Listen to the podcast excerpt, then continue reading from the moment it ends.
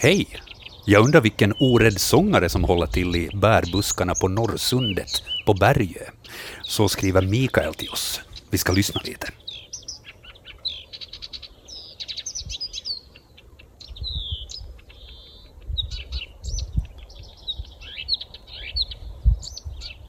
Ja, Hans och Jörgen, är det här en fågel ni känner till? Ja, det här. Vilken skulle du säga att det är, Jörgen? Jag skulle kalla den busksångare. Ja, jag skulle använda precis samma benämning jag också. Ja. Jag ly lyssnade till den eh, för tre dagar sedan, under två, tre dagar efter varandra. Ja. Nyanländ busksångare som sitter och pratar och är ganska högljudd av sig och trevlig sång. Ja, den, är, den är, hör till de sympatiska. Ja, Det här är inte någon ovanlig gäst på det viset. Nå, den har Ja. varit... ja, den har varit ovanligare, men den är särskilt i sydöstra Finland väldigt talrik. Men är det en sån som man kan lyckas få syn på eller är det en sån där liten Mm, grå ja. som bara gömmer sig? Nu kan man få syn på den, men man blir vanligtvis så hemskt mycket klokare med den. Men det, det, det, här, det här sången som är så här väldigt liksom, vi kan kalla den mekanisk, men ändå mångsidig och fin. Ja, lugn. Ja, lugn, just ja, det. Ja. Och, och det där, den, den alltså sjunger i natt på natten. Om man kan till exempel i norra Karelen, södra Karelen, så kan man köra omkring med bilen på natten, ha fönstret öpp- öppet, så de hörs må- 100 meter minst, kanske mera. Så räknar man, oh, okej, idag hör- hörde jag 40 stycken den här natten och så vidare. Ja. Den är verkligen vanlig där. Fin liten ljudsnutt som fick inleda den här veckans upplaga av eh, Naturväktarna. Vi får tacka Mikael på Bergö för den. Och Ja. eh, Den sjunger ju också på dagen, den här. Ja, Mm, i- ja. I början när det kommer. I början när det kommer. Men sen kan det också hända att om den får genast en hona så slutar den bums. Mm. Jag tänkte säga att Mikael hade skickat in det här som ett videoklipp och det såg ut som att det var dag. Men å andra sidan, Mm. nu lever vi den tiden på året och det kan ibland vara lite svårt att avgöra att är det natt eller dag. Jo, särskilt när, när det där, våra fina kameror så justerar belysningen så att det ser ut som dag. Ja. Men det var väl nog dagtid som det här var filmat, tror jag också. Ja. Så uppfattar jag det. Ja, men den hör till de här klassiska nattsångarna som Jörgen just berättade tidigare. Ja. Vill man höra den ordentligt och många så på nätterna. Mer ljudfrågor på kommande i Naturväktarna i nästa timme. Vi ska spara den så får vi se vad våra experter har att säga om den. Jag tror nog att de sätter den också. Hörni, Naturväktarna som sagt heter programmet. Vi håller på fram till klockan 21.00 och besvarar era frågor om djur och natur. På plats ikväll Hans Hästbacka, Jörgen Palmgren, Annika Ljungberg och tekniken sköts av Risto Salomberg. Mitt namn är Joakim Lax. Välkomna med. Är det så att ni vill skicka en fråga till oss så går det utmärkt att göra det på e-postadressen natur yle.fi. Och eh, det har regnat in en hel del frågor här under veckan som har gått från eh, senaste sändning. Och jag märker att det kommer ny e-post också kontinuerligt här. Men fortsätt skicka och så ska vi hoppas att vi hinner besvara så många som möjligt. Det kan hända att några blir obesvarade, men då tar vi med dem eventuellt till nästa vecka. Det går också bra att ringa hit till oss på 0611 12 13. Vi ser fram emot första samtalen om en sådär 10-15 minuter, men vi har några frågor att besvara innan det. Bland annat så har vi en fråga som eh, faktiskt lämnar lite oklar från förra veckan. Eh, vi har en vana att ibland bolla över insektsfrågor och sånt åt Anders och säga att vi använder oss av Jokern helt enkelt och tar den till nästa vecka. Han använde samma sak och bollade över en fråga åt er två, Hans och Jörgen. Eh, det är frågan som förskolebarnen vid Kyrkostrands skola i Jakobstad skickade in. De undrar vilken fågel är det som har byggt bo i vinbärsbusken? Och den här bilden den hittar ni också på vår bildblogg som finns på svenska.yle.fi natur. Där kan ni beundra det här fågelboet. Och, eh, nu har våra experter haft lite tid att eh, titta på den här. Eh, kan vi ge barnen vid förskolan i Kyrkostrands skola i Jakobstad ett svar? Jo, ett svar har vi nog, men, men hurdant är det sen då? Det, det, det är lite knivigt när, när... Om man själv hittar ett sånt här bo så har man vanligtvis väldigt mycket annat att se på än enbart boe och ett ägg. Den, den alltså äggläggningen är i det här boet nu i början och, och honan har lagt ett ägg. Man kan observera fågeln där i närheten. Man har lite mera hum om hur omgivningen är. Är det, är det, är det sånt halvöppet landskap eller är det, är det, är det, är det lund Mm. där det växer en vinbärsbuske? Vad annat är det man skulle kunna lägga? Jo, man ser, man ser detaljer i, i boet. Nu, är fotot så pass mörkt att man ser till exempel bobottnen, att vad allt finns där Ja, just för material. För det som man ser på bilden, om vi beskriver den, Ja. mitt, mitt i en vinbärsbuske så har vi ett ganska sådär skålformat bo. Det ser rätt djupt ut Det, på bild. det, det, det är djupt. Jag uppfattar det också på det viset. Och det är ganska väl byggt. Ja. Det är byggt av grässtrån och man ser lite, som jag upplever, spindelvävsbitar uh, där i kanten. Det, de här släktingarna bygger väldigt lik, liknande bon och, och det där de använder, de använder spindelväv. Mm. En av, en av släktingarna bygger en mycket slarvigare bo och den, den vågar jag utesluta. Den släkting som jag utesluter är trädgårdssångare. Det är inte trädgårdssångarbo det här. Okej, så vi, vi börjar på det viset. Det finns Ja. ganska många fåglar att välja mellan. ändå, Ja, men- ja, men sen när man, sen när man okej, jag har inte hittat ett enda sånt här bo i år så det är lite sådär, liksom, man måste öppna hårdskivan där inne i, i, i de där grå hjärncellerna, Ja. bland grå hjärncellerna och det tar lite tid innan man kommer ihåg att jo, så här var det. Och Ja. Jag jobbar ju inte på heltid med fågelbon så det är lite, det Ja. är lite svårt ibland. Men inte trädsångare. Inte trädgårdssångare. Trädgårdssångare. Ja, den bygger ett mycket slarvigare bo. Just det. Den här är ju jättefint klotformad, speciellt där inuti. Inre Ja. ytan är lagd jätteslätt. Utifrån så är den kanske lite homsigare, men inte, inte Ja. mycket där heller. Och den, är- den är jättefin. Någonting med ägget då som kan avslöja vem det skulle kunna vara. Hur många alternativ har du, har du kvar på finalrakan, Jörgen? Jag har några arter på finalrakan. Har- sådär enligt sannolikhet. Har Hans många på finalrakan som det skulle kunna ja. handla om? Huvudsakligen en. Du har huvudsakligen en. Ja. Jag, jag misstänker också just den allra mest. Jag tror att det är samma. Spänningen stiger. Ja. För Vem, vem, är, I och med att den är en, en, en, en vinbärsbuske så det, det, det kanske nästan utesluter törnsångare. Ja. Inte törnsångare. Ja, det, är, det är liksom inte riktigt bombsäkert men det är gan, gan, ganska säkert. Ja. Vi får hålla oss till grönsaker. Uh, jaha. det var inte trädgårdssångare, grönsakssångare. Nej. Nej, jag tänkte på ärtsångare. Jag sku, jag, alltså här i, i sö, sö, södra Finland så, så hittar jag ärtsångarbon enbart i enar. Ja. Men det kanske beror på den omgivning där jag rör mig, eh, karga skärgården Mm. och strand, strandpartierna eh, partierna av, av skärgården. Så där finns ärtsångarborna enbart i enar. Så Mm. du restar bort baljväxterna här nu. Helt fräckt. Okej. Okej. Vad ska vi ta till då? Och det, där, det, det är att ärtsångaren, ärtsångarbor liknar väldigt mycket de här alternativen som finns kvar. Men det är bara lite mindre. Men, men man ser ju inte här att aha, är det mindre. Mm. Man ser att det, det är det där en vinbärsblad men, men inte kan man riktigt, jag kan inte, jag kan inte relatera det exakt till. Senast tänkte jag, tänkte jag att den var ungefär lika lång som tre vinbärsblommor. Men vilken art är det? Är det svartvinbär? Ja, Ja, nej, det ser vi ju inte heller. Eller Det ser inte ja sen jag kan de där blommorna vara lite, lite närmare mig och det där mm, bl- boet där eh, längre ner i busken.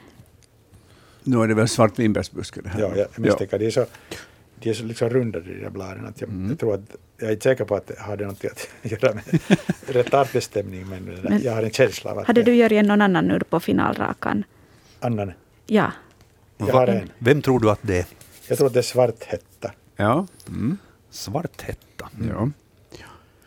Och vad är det som skvallrar om att det kunde vara svarthätta? Vad är det du går på? Det, det, det, det, är inte så litet som ärtsångarbon.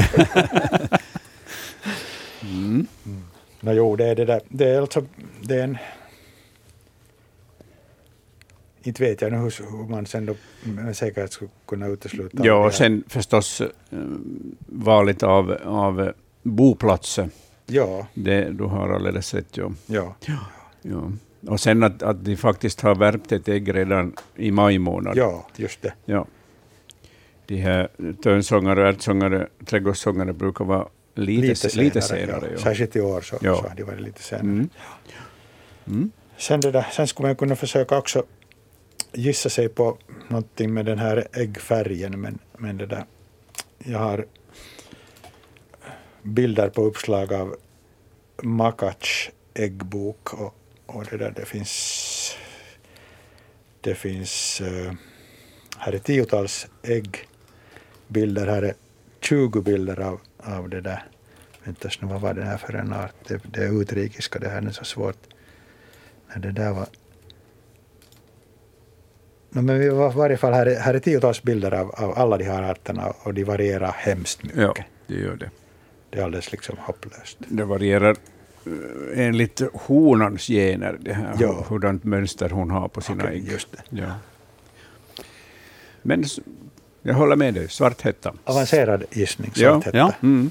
Då, jag tycker vi låser det som svar. Nå, ja, vi låser, men litet förbehåll nog att Ja. om någon är klokare, jag vet att det finns sådana som är klokare, Men då kanske man kan be förskolebarnen, ifall de ännu är i förskolan mera, det eventuellt så har de ju kanske gått på sommarlov vissa. Inte ännu. Inte ännu. nej. De kanske är någon dag ännu. Det, jo, det är den här veckan ännu. Ja, precis. Och, det där, och, och nu, nu så det, när det var då för en vecka sedan, nu, hade, nu är det alltså nu är, eh, är det fu- fulltaligt det här ägget. Tättingarna lägger ju ett ägg per dag Mm. på morgonen vanligtvis. Och jag tror att svarthättans normala kulle kanske fem ägg. Fyra till sex kanske är den riktiga variationen där. Mm. Ja. Och, och det där, nu är där honan och ruvar. Så då Man kan- borde man kunna spana efter. Man, man skulle kunna spana lite, jo. Nå, vad ska man kika efter för kännetecken? Svarthätta tyder på Svart- någonting svart på huvudet. Ja, det, men det är hanen. Ja, har honan nå- någonting Den har rö- rödbrunt huvud. Mhm. Och till exempel, är nu den närmaste tävlande ärtsångaren? Nej, Nej. För, mig är det inte, för mig är det törnsångare ännu, men Ja. Hur ser de, de no, den, den har ut? ingen, den har ingen sån där skarp, Hetta. skarp hetta. Ja. Okej, så då gäller det att kolla om den har en rödbrun mössa. Ja. Kanske man kan ly- lyssna efter fågelljud också, men kanske honan inte Nej, har det- så hemskt det- mycket. De, säger, de säger inte så mycket den, Nej. när, de, när de ruvar. Ja, tre till sex ägg, medeltalet fem ägg för svarthätta. Mm. Då är det bara att sätta sig och spana vid Kyrkostrands skola i Jakobstad, så får ni eventuellt där då bekräftat ifall det rör sig om en svarthätta eller ifall det är en törnsångare. Spännande fråga. Jag krafsar här på mikrofonen när jag böjer mig framåt med min axel, men om man vill se hur... Nej, nu blandar jag. Jag med rosenfinken. Ja, nej, jag tar tillbaka. Det var någonting med brun hatt som vi pratade om förra gången. Ja. Eh, Men då var det en rosenfink. Så då måste man bara leta efter en bild på svarthätta om man vill kolla hur den ska se ut. Ja, det, om, om, om de här förskoleeleverna går och tittar så det lönar sig att titta i förväg hur den där fågeln som, som finns där, hur den möjligen ser ut. För då har man större chanser att se de detaljer som man bör se. Mm. Man är, man, man är på alerten. ska man kunna lyssna, lyssna efter ljud eller har de slutat det- det- sjunga alltså, nu när de ha- har hanen, sjung, hanen sjunger nog, men, men de, de kan ju vara olika arter där i, i det där, Ja, om det är en sån terräng. Så det kan vara många olika Ah, okej. arter, så det är inte så hemskt mycket att Inte mycket att gå vara efter. säker. Alltså, för, att säkra det är nog enda, enda att se den här Ja. fågeln. Det är väl en hane säkert vi hör här. Jo, Det lilla som vi hör, den är ganska Jo. tyst. jo no, det var Svarthästhättans sluttrudelutt, väldigt vacker och ljudande. Men inte mycket till hjälp kanske för de här förskolebarnen. Ja, klara, fina flöjttoner, den här Ja. svarthättan. Men de här barnen lär sig så fort att de, de behöver höra det bara en gång så vet så kan de. Jo. Annat är det med oss. Så sant, så sant. Okej, Men då har vi ett svar åt förskolebarnen vid Kyrkostrands skola i Jakobstad. Förmodligen Svarthätta. Bara att sätta sig och spana. Tips där åt alla förskolelärare också. Ja, det kan vara jobbigt sen också när man, om man, om man då lyckas lokalisera det här boet på nytt. Ja. Växtligheten kan ha ändrat där och, och honan trycker ju väldigt, det är ganska djupt den här skålen, hon trycker där väldigt djupt så det kan vara, det kan vara knivigt att se någonting. Vad trycker hon på? Äggen. Hon känner det, hon känner när människor kommer nära att den fara. Och så Ja, den gömmer sig. gör- sjunker hon lägre ner i boskålen. No, men vi, vi väntar på rapport helt enkelt från Kyrkostrands skola. Ifall ni får det bekräftat att det är en svarthätta, så hör gärna av er. Var, är, Natur- var är Kyrkostrands skola? Jakobstad. Jakobstad. Ja, ja. Jakobstad, just det. Ni- Ni vet det som bor där i trakten. Ja. Äh, främst också för att det står här. Ah, ja, just det. ja, men att, ah, I Jakobstad, just det. Ja, ja, ja, det där, nej, jag, är tvungen att sitta i en sån ställning att jag inte riktigt kan använda mina gl- läsglasögon. No, men ni får e-posta oss på natursnabelayle.fi ifall det är så att ni ser fågeln och så får ni bekräfta det åt oss ifall det är en svarthätta eller en törnsångare. Det skulle nog vara ganska trevligt att få bekräftat, men det kan vara att det inte finns tid mera för det. Mm. No, vi håller tummarna. Följande fråga i bildbloggen, det är, då, då talar vi om någon som försöker slingra sig iväg här, Annika. Eh, Ja, på bilden har vi, har vi inte Kerstin utan en orm som Kerstin har hittat i, i Västanfjärd. Kerstin såg en mycket stor orm på morgonen den 29 maj. Tog den för en snok, skriver Kerstin. Men huvudet hade stora kinder med vitgrå teckning. Troligen då en huggorm. Och om man tar upp bilden på bildbloggen så, så kan jag berätta åt er att eh, den håller på att slingra sig uppåt i bilden, så huvudet är så att säga längst bort. Och den är lite oskarp, den här bilden där vid huvudområdet, men det är nog väldigt spännande kinder. Den har lite som någon skulle puta ut, mer en exotisk art som kom, kommer jag att tänka på. Så det blir spännande att höra vad det kan handla om. Och inget mönster ser jag, som jag skulle kunna urskilja från den här bilden, som är lite svår ändå att tyda. Men vad säger Hans och Jörgen? Ja, det här är en, en stor och kraftig mörk orm. Eh, jag skulle nog hålla en, en ganska stor hacka på snok och inte på huggorm. Det, I så fall så fattas den gula färgen i de här eh, kindfläckarna, men, men det är i alla fall ljusa fläckar där. Eller nackfläckar. Nackfläckar, ja. Ja. ja. Den population som jag följer med, det är kanske 10-20 snokar, så där ungefär hälften av snokarna har inte gula, ja. gula nackfläckar eller orange, utan de är något just sånt här, Mm, som grått eller saknas helt. Mm. Ska du då slopa den här kanske, antagligen, möjligen i svaret? Ja, Hur hårt satsar du på snok? Jag är bombsäker på att det är en snok. Bombsäker Ja. snok. Mm. Det är, det där, den, den är ju liksom vilseledande det här när man tittar på det här huvudet, så det är verkligen triangelformat i den här bild, bildvinkeln. Där är någonting, liksom, någonting konstigt i, i nacken när det är så väldigt smalt. Mm. Men det där, här, här är sen då ingenting annat som, som tyder på huggorm. Men Vad är det som gör att de här kinderna putar ut? Jag Kan vet inte. Jag vet inte. Det, det är mystiskt. Okej. Är det månne bara bildvinkeln eller att den Nej. gör någon rörelse som får huvudet att fram och tillbaks bukta ut? Eller? Kan den lida av någon, något problem? Men det, det, låter, det skulle vara en bra sån här fantasilösning på. Kan den ha någonting i Problemet. munnen? Kindinflammation? Nej. Alltså nu kan det ha någonting men, men vi ser ingenting. Nej. Men det, det, det borde inte leda till att det skulle se så här putande ut här på huvudsidorna. Det är no, någonting annat. Det kan vara att den har någon, någon skada eller någonting. Mm. Men snok, Men en snok är det, Ja. Mm. Vack, vackert exemplar. riktigt. Riktigt. Men, men eh, ska vi sådär snabbrepetera igen några av de här kännetecknen snok kontra huggorm? Man brukar alltid tala om, det är ögonen, där ser man det ganska Ja, tydligt. Här ser man inte ögonen. Nej. Ja. Men ifall man möts av en liknande och man råkar kunna flytta på sig till exempel så att man ser den framifrån. ja, eller sidled räcker. Ja. Och då, om man tar, särskilt om man tar foto, så det är, liksom, det, det, det är verkligen, det ska, det ska man sträva till. För att då ser man alltså pupillens form, den är rund hos snok och en strimma hos huggormen. Man, man kan se, se huvudplattornas form, alltså plattorna mellan eller storlek mellan, mellan ögonen. Snoken har stora plattor och huggormen har mest sådana väldigt små plattor. Sen ser man också från sidan, snoken har nästan alltid sådana ljusa teckningar, ljusa och mörka tigerakt, tigeraktiga teckningar på huvudsidan. Men inte alltid, det, det, de mörka snokarna har inte sånt. Mm. Och sen den här kroppsformen kan man försöka också utnyttja, men det, nog, det kan nog vara svårt, när man, särskilt när man inte ser svansen ens här. Eller man ser en del av svansen, man ser inte spetsen. Hur var det nu, eh, ifall man, ifall man eh, kommer nära en snok, de har ju en tendens att gärna vilja, vilja fly. Ja. Men ifall man kommer riktigt nära, var det så att snoken kastar sig på rygg och spelar död? Kanske. Den jag, kan göra det ibland. Jag har aldrig upplevt det. Mm. Men, Nej, men jag tycker jag har läst ja, någon ja, text Jag har sett bilder, jo. Ja, det, det finns nog bildbevis på det, att ja. de kan göra det ibland. Det är ganska... Men den, är, den måste vara extra trängd. Ja, jag tror det. det ja. Mm. Det ska vara riktigt alltså, att ja. den känner att nu är det på liv och död. Ja.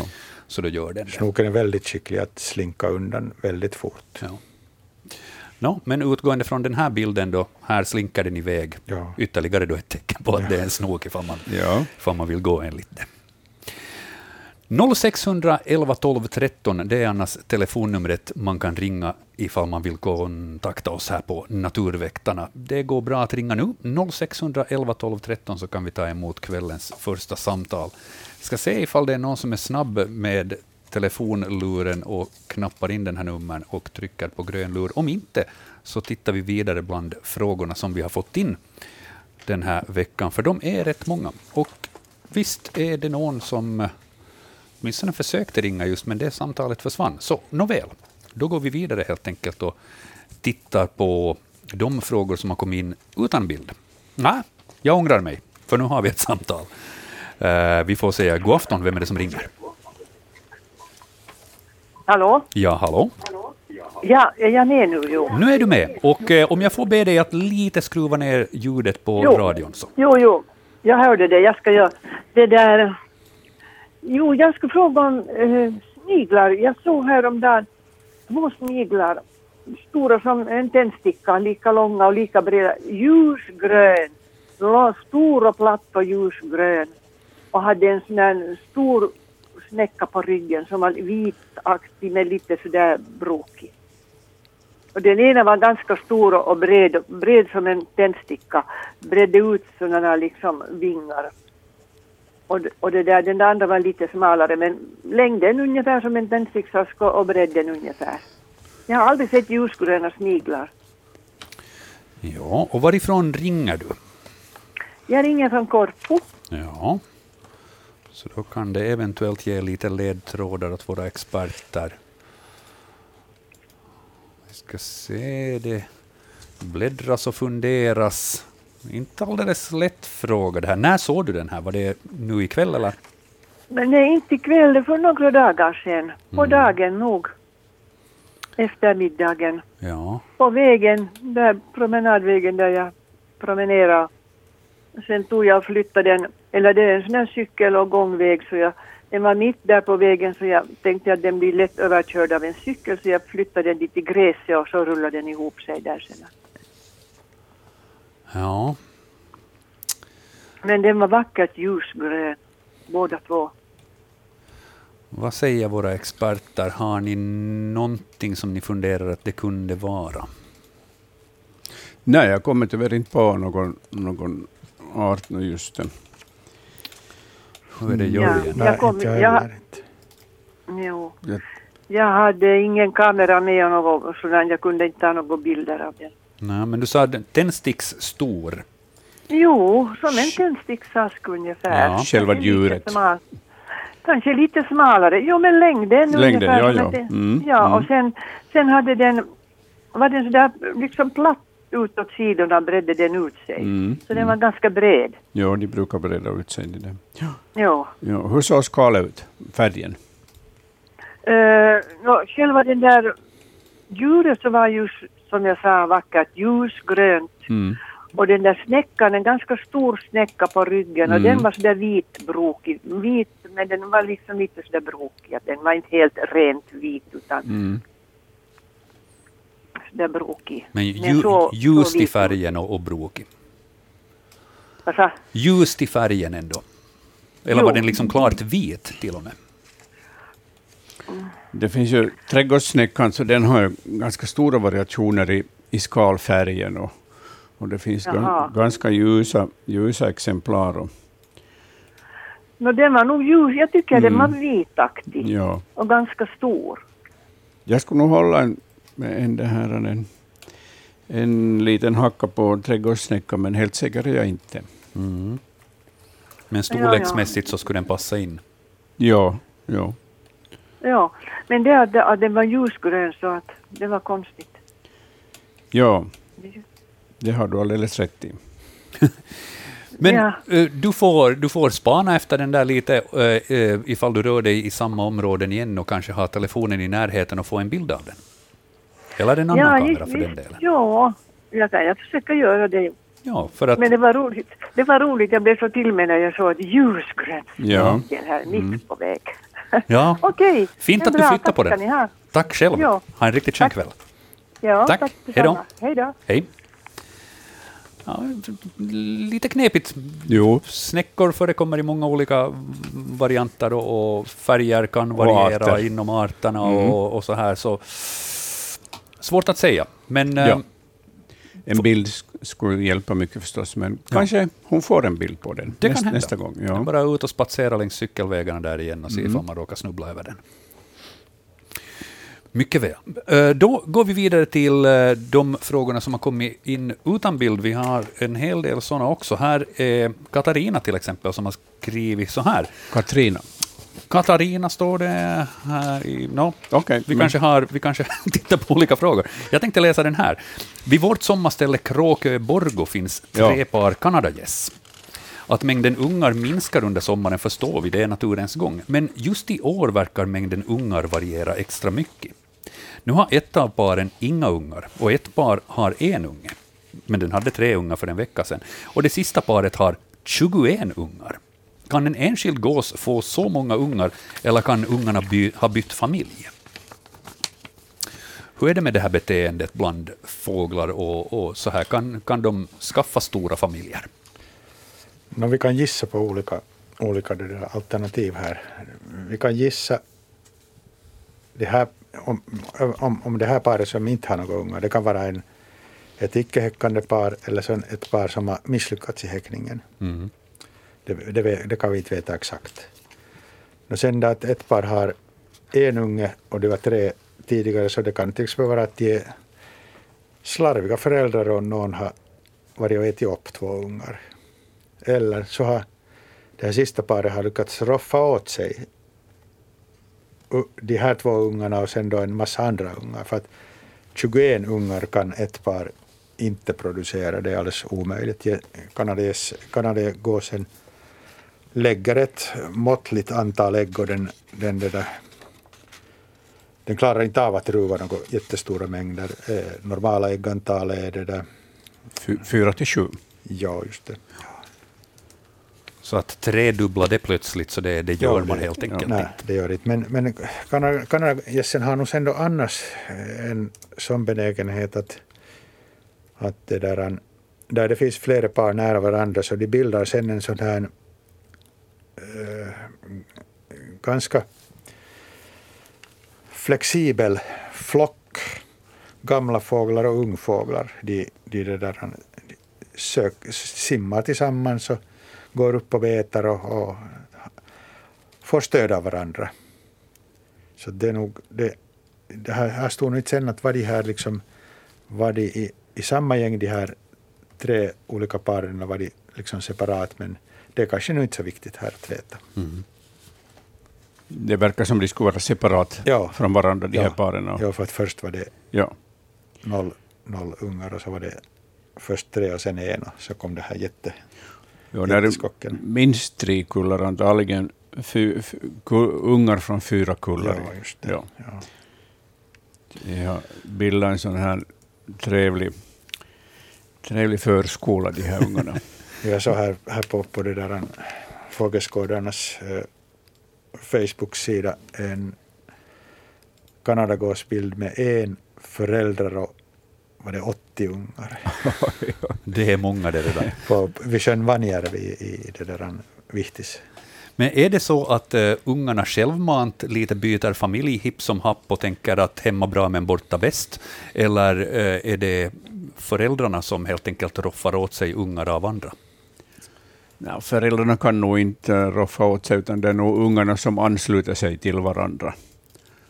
Ja, jag skulle säga det också. Ja, så är det med, med storskraken till exempel, där, där, där en kull som möts, så, så om vi, de kan vara max tio då per kull, och sen när de simmar åt olika håll, honorna, så kan den ena ha 19 och den andra en unge. Så det är nog ungarna som, som ansluter sig till varandra. Det är en styrka att vara många tillsammans. Ja. Ja, okej. Okay. Mm. Så, så därav det här att de har 21 ungar. Men du sa 80. Det är redan... Det var så där ungefär. Jag, kom, ja. jag, kommer inte ihåg exakt, men det var väldigt mycket. Jag, jag har aldrig sett en sån här skock. Mm. Otroligt. Ja. Men som svar där åt eh, Katarina, en enskild gås kan inte få så många ungar, utan ungarna där har nog sprungit efter kompisarna och sen anslutit sig till den familjen och konstaterat de bjuder på bättre mat eller liknande. eller varför man nu kommer på att, att byta familj. Kanske bara helt enkelt kompisskapet. De, de trivs i lag. Ja. ja. Mm. Mycket bra. Vad har vi följande i bildbloggen, Annika? Vi har ungefär sex minuter till nyheterna, så vi hinner med en till. Ja, vi har lite hål i bildbloggen nu, om vi ska se vem som har åstadkommit den.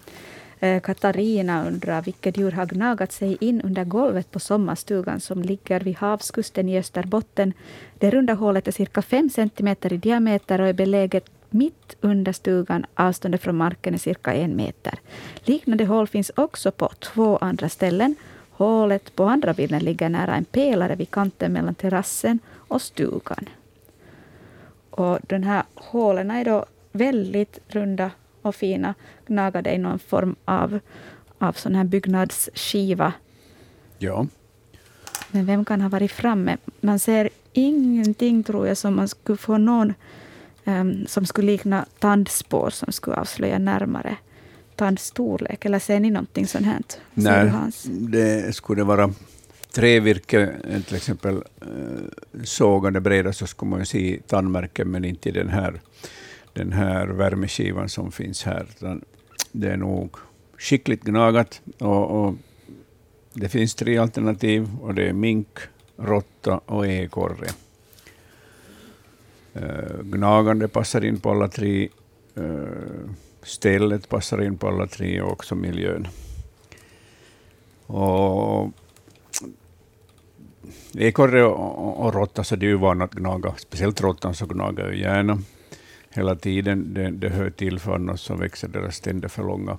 Men minken är tyvärr en som också biter sig in i, i sommarstugor och, och kan förstöra dem helt med sin, med sin avföring. Så att. Hur troligt är det att det skulle ha varit fråga om en mink som inte skulle ha ställt till med någonting annat?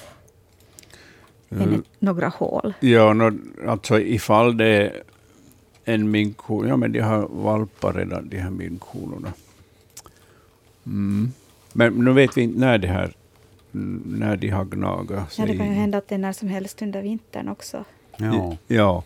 men om det är minkhona som, som har gnagat sig in här så har hon gjort det för att yngla i, i, i det här i krossbotten eller inom mellanvägg och sånt där, och då smutsar det ju ner otroligt, de här minkarna. Så då borde man känna det med näsan? Ja, kanske. man borde känna det med näsan förstås om, om, om det är så att det är mink där med. Men vad skulle ekorren vilja göra där inne? Råttor rör sig i hus, men, men ekorren? Mm, nyfiken, ekorren är nyfiken också på alla möjliga håligheter och de lägger ju också, ynglar ju gärna också i, i hus, de här ekorrarna. Så det är alltså håligheter, eh, skyddande håligheter. Så. Och samma är det med råttan. Eh, alla tre som vill ha skyddande håligheter där, de får vara i fred. Det här ena hålet längs med den här pelaren, som är alltså där hålet är precis vid pelaren, så det, det uppfattar jag som ett ganska lätt ställe att på det viset börja gnaga sig igenom. Mm, Men, men det här andra hålet, så, jag menar, vad stod det här, att det var ungefär en meters avstånd från marken? Ja, det är sant. Det måste ju ha stått upp på marken och sträckt sig upp och gnagat det här perfekt runda hålet. Alternativt hängt nästan upp och ner i en av de här brädorna, som, eller plankorna som går där bredvid. Ja, och alltså upp och ner så, så hade det nog gnagat det här. Ja. För det är ju gnagat utifrån in. Mm. Det ser man. Och, och, och både, både råtta och ekorre så klättrar ju otroligt bra och har ett bra klogrepp. Speciellt ekorren har ett speciellt bra klogrepp. Eh, både på lod, lodräta och upp och ner vända ut. Och så att. Men minken klättrar bra. Mm, det, det, man kan inte utesluta den heller. Men det kan hända att minkens hål skulle vara mer oregelbundet än, än det här. Så att, Skulle den också kunna hänga så där upp och ner? Ja, i princip kan den nog klona fast sig, men, men mm, mm, kanske inte. Men hur har den fått start där i plana ytan? Mm, det är bara till huggtänderna i, Okej. ja, i den här. Det hända att det är lite mjukare material Ja, där. det ser ut att vara en mjuk skiva. Mjukare. vindskivor eller något Vindskiva, sånt. ja. Ja, så om vi, om vi då diskuterar den där, det där första hålet så, och säger att det är lite svårt för minken för att år, åstadkomma det här, så då, då ligger nog ekorren och råttan bra till, kanske ekorren på första plats. Och sen har vi råttan på en stark andra plats och mm. minken som bubblare. Ja, ja. Eh, nu får vi hoppas bara att det här djuret inte liksom har bosatt sig här i huset, men det märker ju nog de här som bygger den här sommarstugan ganska snabbt när man är där en längre tid. Ja, Eller redan om, en dag eller två. speciellt om det är mink, då bör man märka på Ja, doften. lukten finns säkert där nu om, om det är minken.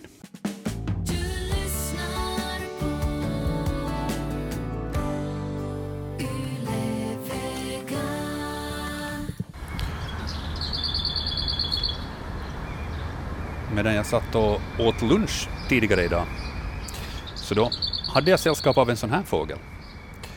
Eh, Så det här är faktiskt inte en, en lyssnarfråga som vi har fått in, utan det här är bara mitt lilla sätt att sätta våra experter på prov. Eh, Kan Jörgen och Hans berätta, vad är det för fågel ni hör här? Har du bandat den med telefonen? Jag har bandat den med Ja. telefonen. Jättefint exempel på hur månganvändbara de är. Ja, inte den bästa ljudåtergivningen Nej, kanske, men men, där- men ändå man, jag tror att ni åtminstone plockar upp det karaktäristiska där. Jo, hackande, ganska torr strof. Ja. Sen så är det ju ganska många andra fåglar också som Jo, väsnas och har jo sig just det där. där är fiskmås och allt möjligt annat. Något, liksom det ska vara några pilfickar eller gråsparvar. Det låter lite som man skulle släppa ärtor på ett diskbord. Ah, Torra ärtor. Torra ärtor, Torra ärtor. naturligtvis torra. Ja. så med andra ord, vad är det för en fågel? Vad tycker du själv? Ja, eh, om, ni, om ni nu talar om ärtor, så då, då, då tänker jag backa tillbaka till det som vi inledde förra timmen med och tala om ärtsångare. Ja, det, Ja. det är just det. Mm. Mycket bra. Jag hann aldrig se nämligen den här fågeln. Jag försökte titta bland lönnarna där och, och fundera att är det därifrån ljudet kommer och vem är det riktigt som har ljud. Men sen behövde jag telefonen till annat, så jag hann inte spana så pass länge. Men vad är det jag bör ha sett? Hur ser en ärtsångare ut? Den har ungefär vit undersida och, och grå gässa och lite mörkare grått genom sån här rövarmask genom ögat.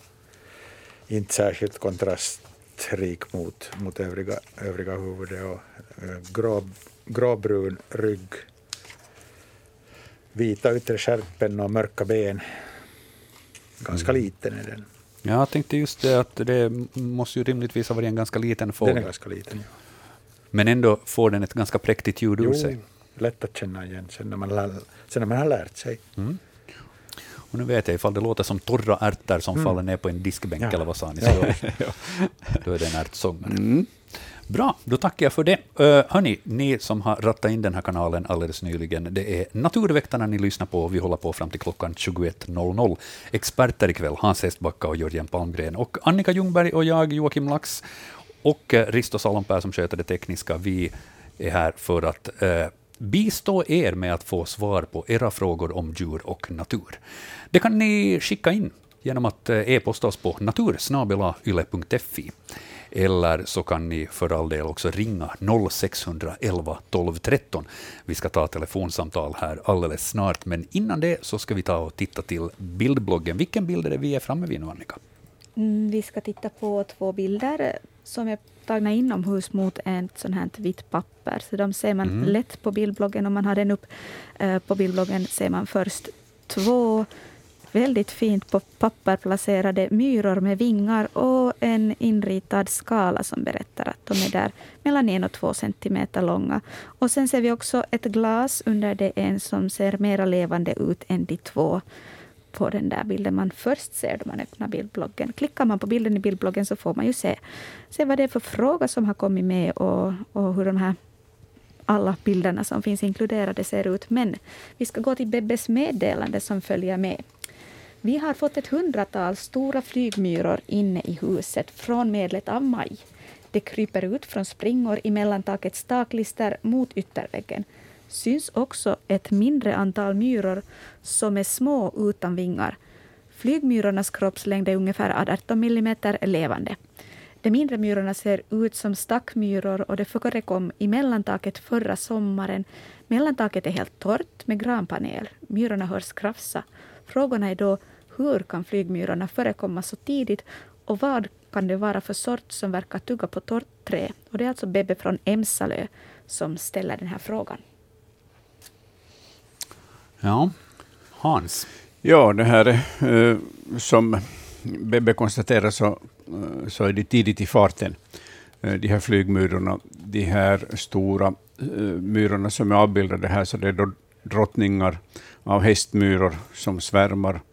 Och de brukar ju svärma i juni normalt. Men, men tydligen har eh, förhållandena i det här huset varit så gynnsamma så att eh, utvecklingen har gått snabbt. Och de svärmar då redan i, i slutet av maj månad.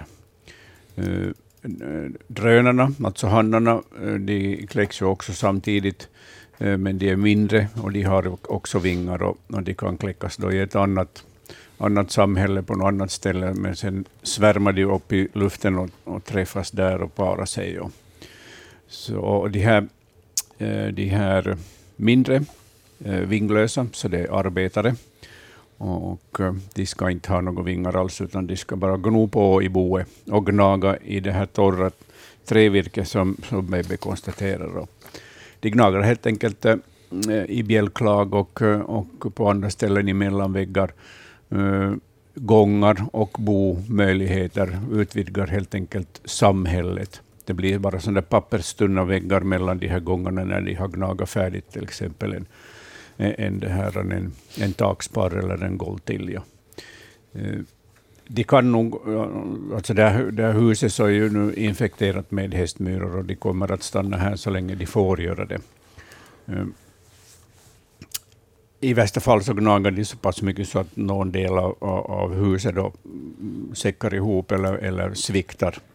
Eh, sen kan det finnas hus där de har mm, funnits i flera tio år, flera tiotals år och, och, och huset står fortfarande kvar.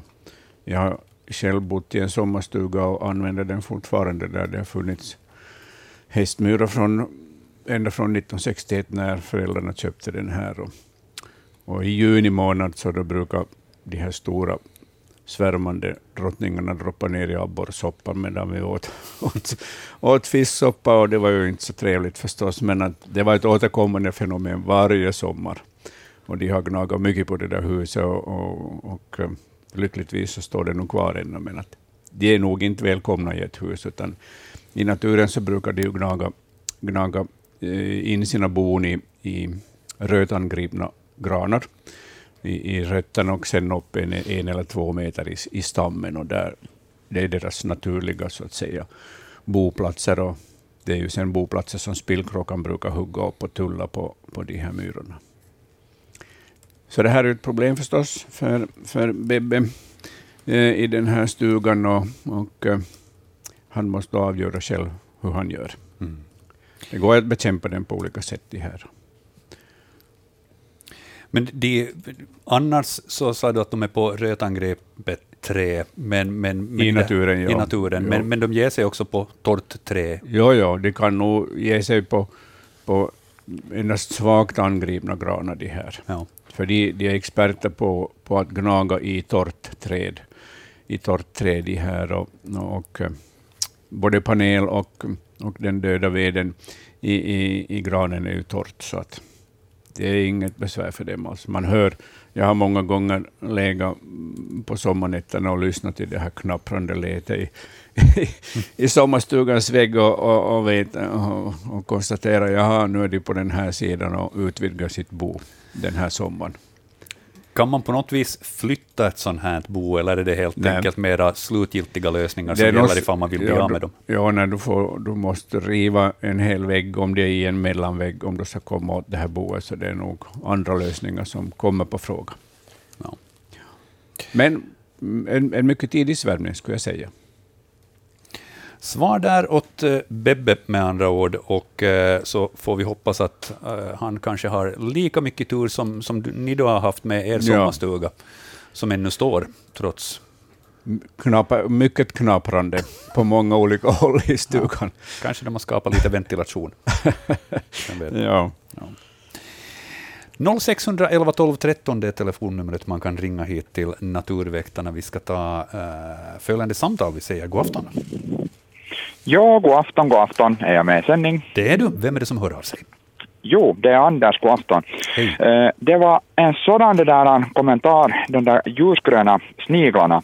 Så kan det vara utav de här som finns i kompost där, de här stora vita, eh, det där, är det nu något, något larver eller tusenfotingar eller något, för de blir ju ganska stora och ändrar inte lite efter årstid och mm, fuktighet och vad som helst, det där eh, färg och att de kan vara ljusröda eller helt vita eller till och med ditåt ljusgröna hållet. Precis. Kan det vara något sånt? Som, kan det vara något sånt? Men de hade skal på sig, hus de här. Eh, Jo, hon, hon, ja, sa, de- hon sa att de hade skal. Jo. Jo, de hade, men jag tänkte bara att kan de ha liksom något att de skalar loss eller något sånt, att de därför går omkring med dem. Nej, det tror jag inte. Ja. Ja, Mm. ja. Intressant Men, teori. ja, en intressant idé. Mm. Men, ja men, men det var nu enda så jag kom på att de, liksom, de blir ju rätt stora de. Ja. De, de, vad de nu sen heter vet jag inte. sant. Men, men vi, som sagt, intressant tanke. Vi men, ska men, rota vidare vi ska i göra frågan. det. Och så ska vi hoppas att vi får ett eh, fotografi på de här sniglarna också, eller snäckorna, som, ifall hon råkar se dem där längs den här cykelvägen. Ja, Men men, du- tack för ett fint program hörni. Hör du, ha en riktigt skön kväll får jag säga. Jo, Tack ska du ha. Hej Tack, hej då. Hej. Ja. Mm, en, en, en tanke. En men tanke, ja. men Mm. vi fick nog den uppfattningen att det var nog en snäcka som det handlade Ja. om, för att de hade väl huset kvar, Ja, upplevde jag, de hade på huset. hennes samtal. Mycket riktigt. Eh, fler samtal eh, i Naturväktarna tar vi lite senare, men vi slänger ett getöga på bildbloggen och tittar på ägg, två stycken som eh, Arno har skickat in bild på. Han skriver kort och gott ”Vilken fågel?” Det här fotografiet är taget på en bergig ö eh, i Raseborg. Och eh, det är två ägg på bilden i ett, jag tänkte säga ett bo, det är väl ett bo, men det är ett väldigt så här slarvigt bo jämfört med bon som vi har tittat på tidigare här i Jo, sändningen. eller arten bygger ett sånt bord. Det är Ja. så enkelt. Ja, kanske inte slarvigt, jag ber om ursäkt ifall det var någon som, som tog illa upp. Det, det, det är precis så snyggt som det ska vara. Ja, just det. Vi formulerar det på det viset istället.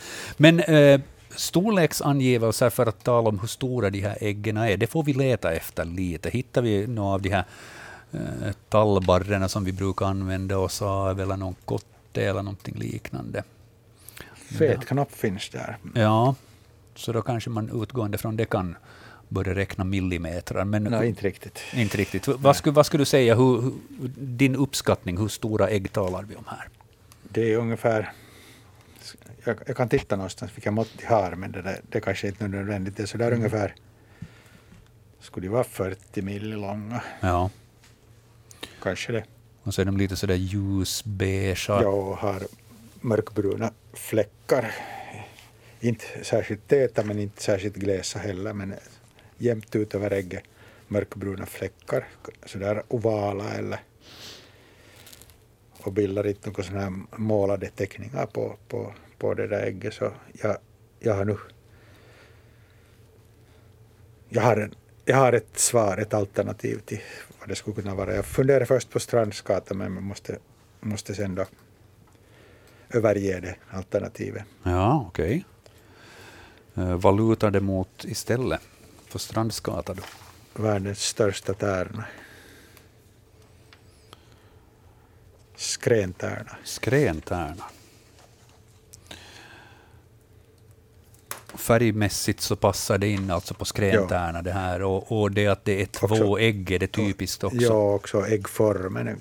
Det är, det är inte, det är inte, no, inte Strandsgatans heller så väldigt päronformade som många andra vardarägg, men de är lite smalare. Jag, jag uppfattar att det här är ganska sådär. Inte de nu heller helt, helt elliptiska, nu lite spetsigare, men inte så mycket som Strandsgatan ska ha. Mm.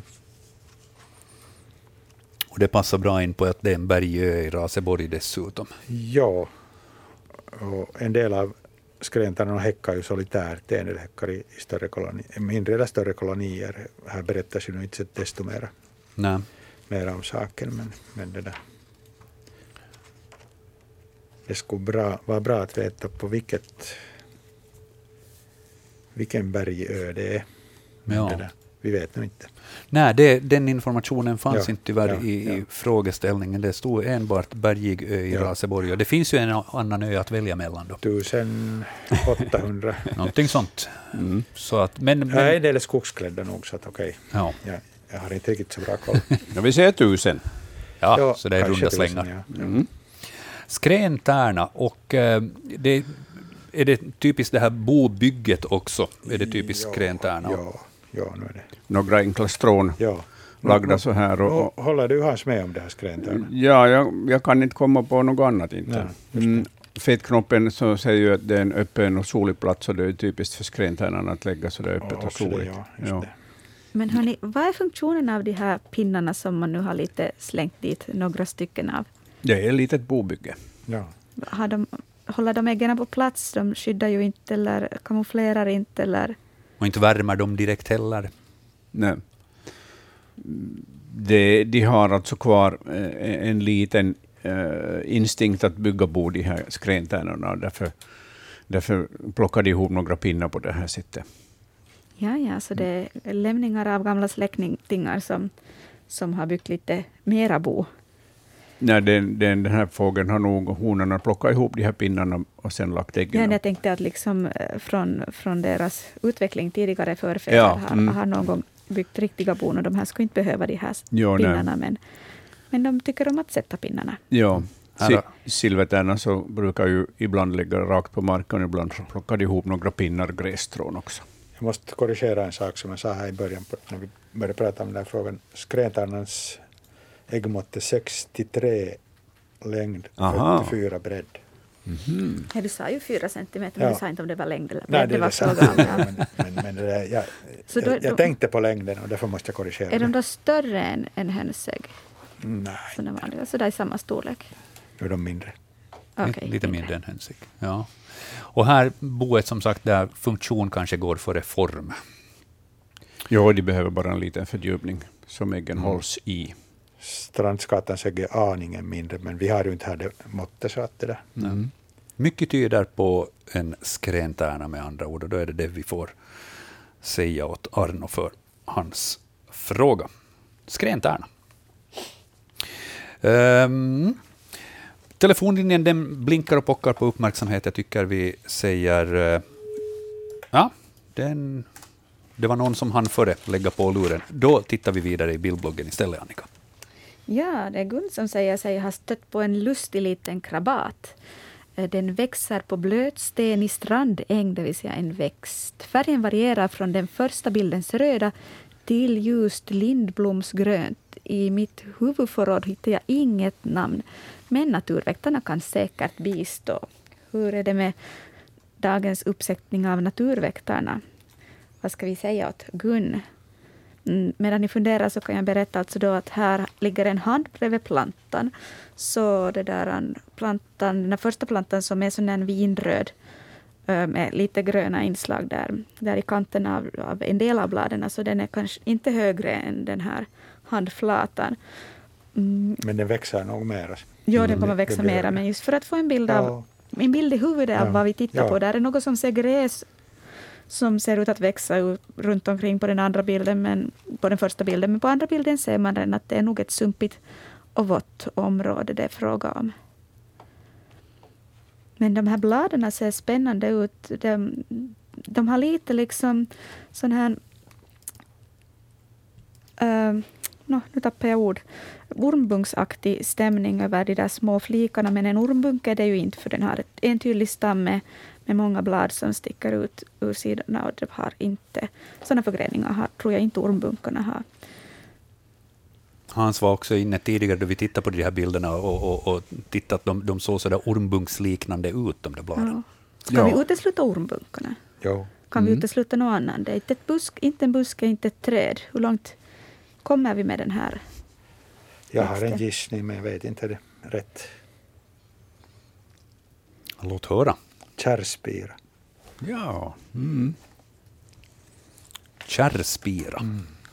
Det finns olika, olika underarter av den och de kan se ganska olika ut. Har jag för mig. Men det är så, det är så länge sedan jag har sysslat med kärrspiror Men om det är någon som lyssnar som känner bättre till kärrspira så får man gärna, gärna skriva ett e-post till natur.yle.fi och säga om det skulle kunna vara kärrspira eller närmare bestämt vilken typ det skulle kunna vara. Ja, då man gör en sån där snabb googling, vilket jag alltid brukar göra, ska jag avslöja, när ni säger Ja. någonting som inte jag känner igen. Så visst, bladformen så nu påminner den om, om Ja. kärrspira. Det, Den ska ha blommor också senare. jag senare. Ja. Och bladen ser nog väldigt, väldigt lika ut. Den kommer få, om det då är en kärrspira, sån här spännande form av blommor med, som en sån här, inte en sån här symmetrisk blomma. ja, den är ju släkt med höskallra och, och ängskallra till exempel. Ja, via det så, så det där kom jag just att, att det, det skulle kunna vara kärrspira men, men jag, är, jag är verkligen inte säker. Jag hittar inte riktigt bilder av, av äh, växtindivider i, i den här tillväxtkedet Mm. att jämföra med.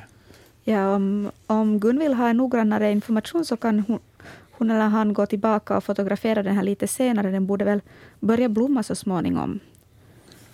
Ja, längre fram på sommaren. Det tar en tid ännu förrän det börjar blomma, men sen har det ju de här kännspaka, tjänstbaka röda blommorna. Eh, men jag tycker att vi kan mm, än så länge hålla på kärrspira. Bladformerna är så typiska för den här. Och, så får vi återkomma då, och kanske Gun också. Vi, vi tar gärna emot eh, bilder på den blommande, så får vi se då, hade vi rätt eller hade vi fel. Ja. Och nu när Gun Så får vi lära oss nytt. Exakt, och nu när Gun vet vad det eventuellt kan röra sig om, så då, då får hon gå och titta på den med nya ögon helt enkelt och se ifall, ifall huvudförrådet nu säger någonting annat än vad det sa tidigare. Kärrspira. Jag tycker det låter bra. Jag tycker att vi säger det för närvarande i varje fall, för tillfället. Ja. Mycket bra. Ehm, fler frågor av de som har kommit in utan bild kan vi lite titta på. Eh, vi har Gunilla som har skickat in en sån här fråga. Ehm, hon skriver, vi har flera årdor som ruvar på en liten holme. Det är inte alls skrämda av att vi rör oss där. Vi aktar naturligtvis dem och skrämmer dem inte. Ett vitkindat gästpar ruvar också någon meter ifrån. Varför lämnar några ådor boet med ägg i? Ett bo hade nu tre små ungar och ett okläckt ägg, men ingen mamma syntes till på hela söndagen. Hur länge klarar sig ungarna? Och jag vill gärna ha råd för hur man, ska, hur man kan göra till nästa gång om det upprepar sig. Vad kan vi berätta åt Gunilla där? Um, hur länge klarar sig ungarna och, och är det här vanligt att, att eh, årdor lämnar boet med ägg i? Jörgen? Svårt att säga. Nej. Jag fattar inte riktigt hur, hur länge har, stod det hur länge de hade följt med det här? Nå, det är inte på det viset någon, någon tidsangivelse. Ingen mamma syntes till på hela söndagen.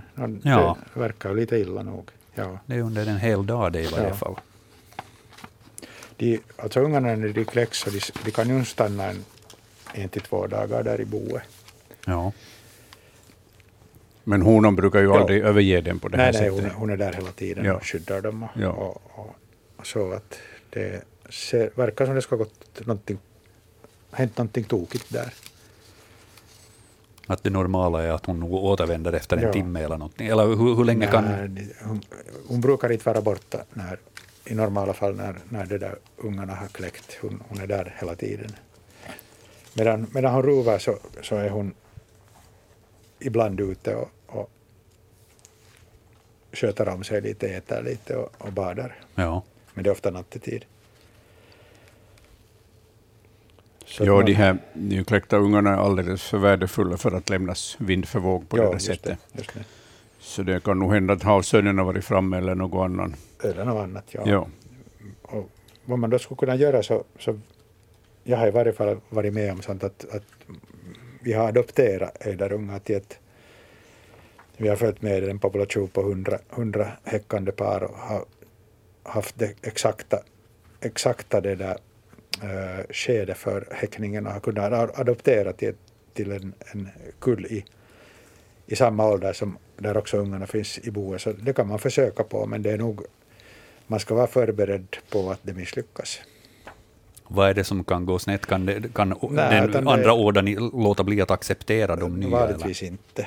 Vanligtvis inte utan det kan, det kan vara, sen andra orsaker. Att hon, hon till exempel i panik flyger därifrån och så går också den kullen till spillo. Det, man kan aldrig veta vad som händer. Ja. Knepig situation med andra Ja. ord. Eh, Om vi, om vi försöker svara på den här frågan då, att hur, hur länge kan ungarna klara sig ifall det är så att de, de lämnas på det här viset vind för våg? Eh, blir de ett på tok för lätt byte? Så att vi, det, det är inte liksom, det, vi, vi talar inte ens många timmar, utan är det, är det så att de inte överhuvudtaget klarar Nej, sig? nu kan de klara sig någon dag i själva verket. Ja. Men de börjar, om- de börjar nog bli sen lite oroliga så de kan nog liksom, jag misstänker att de kan till och med börja spatsera en, om, omkring på egen, egen, eget, eget bevåg. ja. Sen om någon kråka upptäcker dem så är det ju, Då är det färdigt. då är det färdigt med dem. Så att de behöver nog honans hjälp Jo, hela tiden. Ja. Inte mycket man kan göra där då med andra ord. Men Och jag, har nu, nu under senare år så, så själv varit väldigt liksom försiktig och låta bli att, att det där åtgärda sådana här fall alls för att jag har, jag har haft så många sådana här tråkiga misslyckanden att jag, jag tycker det är bäst att naturen får ha sin gång. ja. Vilket det ju många gånger är. Ja, det kan kännas, det kanske kan kännas tufft men, men det, det är säkert klokast. Nåväl, eh, svar där då åt eh, Gunilla som hade skickat in den och eh, så får vi väl säga att, att hon kan ju försöka följa med i varje fall eh, situationen ifall ett utred den här ådan skulle ha hittat tillbaka, men det verkar ju inte så Nej. tyvärr. Nej. Då går vi vidare i bildbloggen, Annika. Ja, där vi hittar någonting smått och ljusrött. Eh, som små liv som Kristoffer har, eh, har hittat. Det vill säga små ungar som Kristoffer hittade i vedhögen som var inbäddade i mossa. Jag undrar vad det är för djur. Det är cirka 3-4 centimeter långa och orten är Pedersöre. Och här har vi, hur många har vi? En, två, tre, fyra, fem, sex, sju, åtta små nakna ungar bland vissna torra löv som, som, som, som har en ganska stor nos. Så mycket kan man säga att de här kommer att få, få någon, någon inte så liten näsa. Vad annat kan vi säga? Sen har de också en svans som har börjat växa ut ganska jo, bra. Jo, inte blir det någon riktig ynklig svans heller där. Nej, nej, så att uh, sorkar kan vi utelämna både Ja. med tanke på, på huvudformen och på svansarna som Öron växer ska de ut. också få. Mm. Och ögonen skymtar, men de är absolut inte öppna. alldeles intäckta ännu. Nej, jag tänkte främst på skogsmus. Om det skulle vara skogsmusen som har byggt sitt bo i, i den här vedstapeln och, och fodrar dem då med, med mossa och eh, lönnlöv. Eller det björklöv? Nå, ja, Björklöv. ja, ja, torra björklöv är det ja. Och sen något fluff, annat fluffigt. Mm, mm. Eh, antalet passar in eh, bra på skogsmusen. De kan få så här många formen på de här, de här småttingarna så passar in på skogsmusen. Och, och sen storleken, att de i alla fall är en, en 3-4 centimeter långa.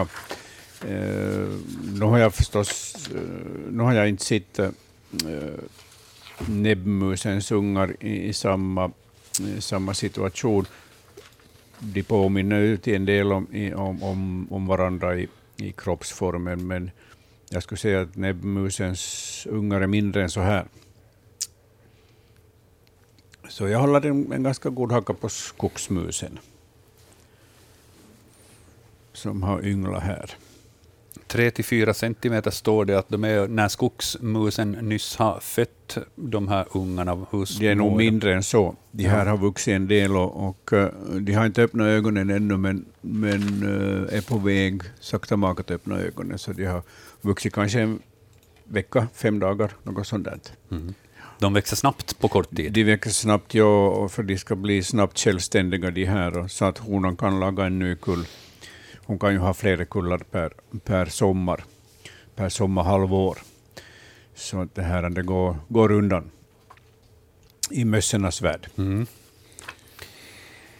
Har du Jörgen något, Nej, jag något något. alternativ? Något, något mer än det. lät väldigt övertygande. Mm. Skogsmus håller vi oss till i så fall. Mm. Och eh, då dags för följande samtal i Naturväktarna. Då är det drygt 25 minuter kvar av sändningstiden. Vi får säga god afton. Vem är det som ringer? Det är Britta Harald från Nykarleby. Hejsan. Hej Britta. Det är kärrspira det där som ni funderar på. Mm. Jag har på med min stuga i, i Nykarleby, så, Socklot, Sandön, så där på, på ängen så, så kommer de upp. I år verks, verkar det att de är många och ibland så är inte nog många. Och de, de flesta är de här rödlila, eh, alltså själva växten och blommorna är ju alltid små röda. Men ibland finns det av den där gröna sorten.